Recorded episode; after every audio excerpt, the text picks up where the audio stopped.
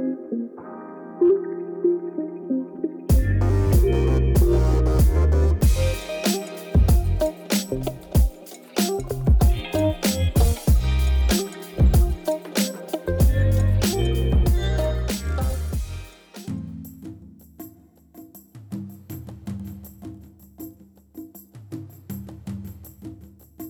Günaydın. Umuyoruz ki tüm dinleyicilerimiz Sevgililer Günü'nü çok güzel geçirmişsinizdir.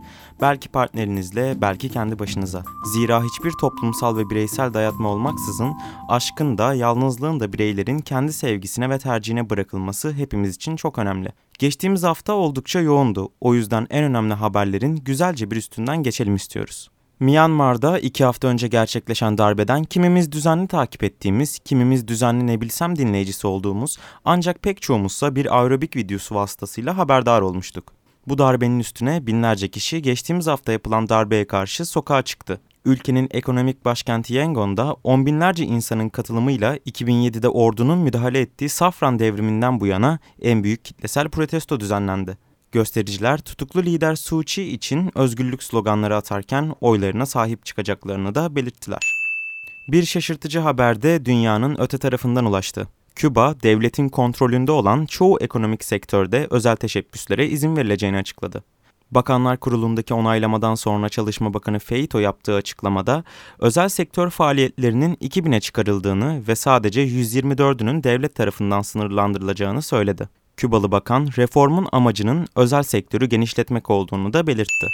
Koronavirüs pandemisi ilk gündeme geldiğinde etrafta dönen koronavirüsün çok uzun zamandır gizleniyor olduğu spekülasyonlarına Dünya Sağlık Örgütü'nün Wuhan ziyareti son noktayı koydu. Covid-19'un kökenlerini araştıran Dünya Sağlık Örgütü heyeti, salgının başından itibaren merak edilen laboratuvar sızıntısı teorisinin son derece olanaksız olduğunu ve virüsün Wuhan'da 2019 Aralık ayından önce var olduğuna dair bir işaret olmadığını da ifade etti pandeminin en büyük darbeyi vurduğu sektörlerden biri olan turizm için yeni çağın yeni anlaşmaları yapılmaya başlandı bile. İsrail ve Yunanistan, Covid-19'a karşı aşılanan vatandaşlarının iki ülke arasında herhangi bir kısıtlama ve karantina olmaksızın seyahat etmelerine izin veren bir turizm anlaşması imzaladıklarını açıkladı.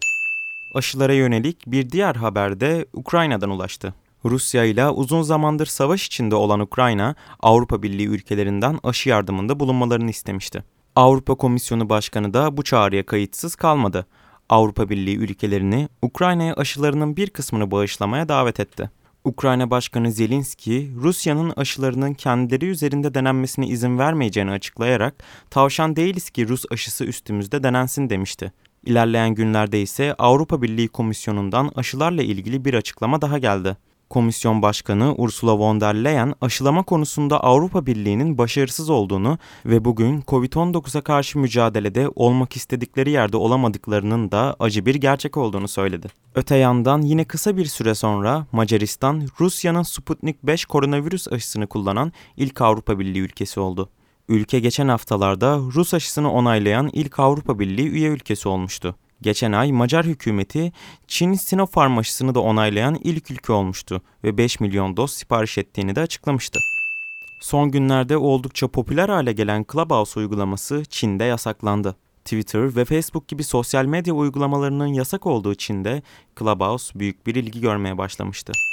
Haftanın ortasına doğru ABD'den ülkemizi oldukça ilgilendiren bir haber geldi. 54 senatör Başkan Joe Biden'a gönderdikleri mektupta insan hakları sicilini iyileştirmesi için Türkiye'ye baskı yapılmasını istedi. Senatörler hazırladıkları mektupta Tayyip Erdoğan'ın ülkesini giderek otoriterleşen bir noktaya soktuğunu vurgulayarak Biden yönetiminin Türkiye ile insan hakları ve demokrasideki gerilemeler hakkında diyalog kurması gerektiğini de belirtti. İmzacı senatörler Erdoğan hükümetine muhalefete yapılan baskıya son verme, siyasi tutukluları serbest bırakma ve otoriter çizgiden dönme vurgusunda bulunmanız çağrısı yapıyoruz açıklamasında bulundu. Kapitol baskısından sorumlu Trump destekçisi bir grubun ve Red Pill olarak adlandırılan uluslararası kadın düşmanı cinsiyetçi bir grubun da örgütlendiği ünlü platform Reddit, son yatırım turunda 250 milyon dolar yatırım topladığını açıkladı. Bu yatırımla birlikte platformun değeri 6 milyar dolara ulaştı. Böylelikle Reddit çalışan sayısını iki kat arttıracağını ve uluslararası pazarlarda daha fazla yer alacağını açıkladı. Uzun zamandır beklenen bir yargı kararı Suudi Arabistan'dan geldi. Kadın hakları aktivisti Lojen El Hatloul yaklaşık 3 yıl hapis yatmasının ardından serbest bırakıldı. Hatloul, siyasi sistemi değiştirmeye çalışmak ve ulusal birliğe zarar vermek suçlarından mahkum edilmişti. Hatloul'un ailesi, ünlü aktivistin hapiste işkenceye maruz kaldığını açıklamasına rağmen Suudi yetkililer bu iddiaları reddediyor. 2020'nin Haziran ayında yaşanan karşılıklı çatışmalar sonucu Çin ve Hindistan askerlerinin hayatını kaybettiği sınırdaki Himalaya'nın batısında bulunan Ladak bölgesinde iki taraf krizi yumuşatmak için anlaşmaya vardı. Hindistan, Ladak'tan askerlerinin karşılıklı olarak geri çekileceğini açıkladı. Ancak bunun Çin'e verilen bir taviz olmadığının da altını çizdi.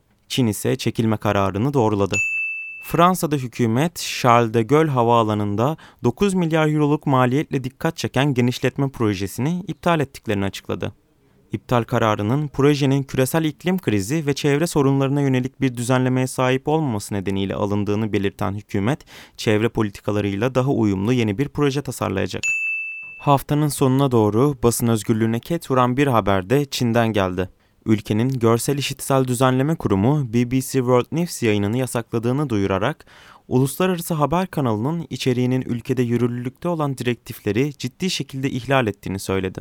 Yetkililer yaptığı açıklamada 24 saat açık haber kanalının özellikle bilginin doğru ve adil olması gerekliliği ve Çin'in ulusal çıkarlarına zarar vermeme ilkelerini ihlal ettiğini belirtti. Yasak, BBC'nin Çin toplama kamplarında Uygur kadınlarına yönelik yapılan işkence ve cinsel şiddete ilişkin bir raporu 3 Şubat'ta yayınlamasından sonra geldi.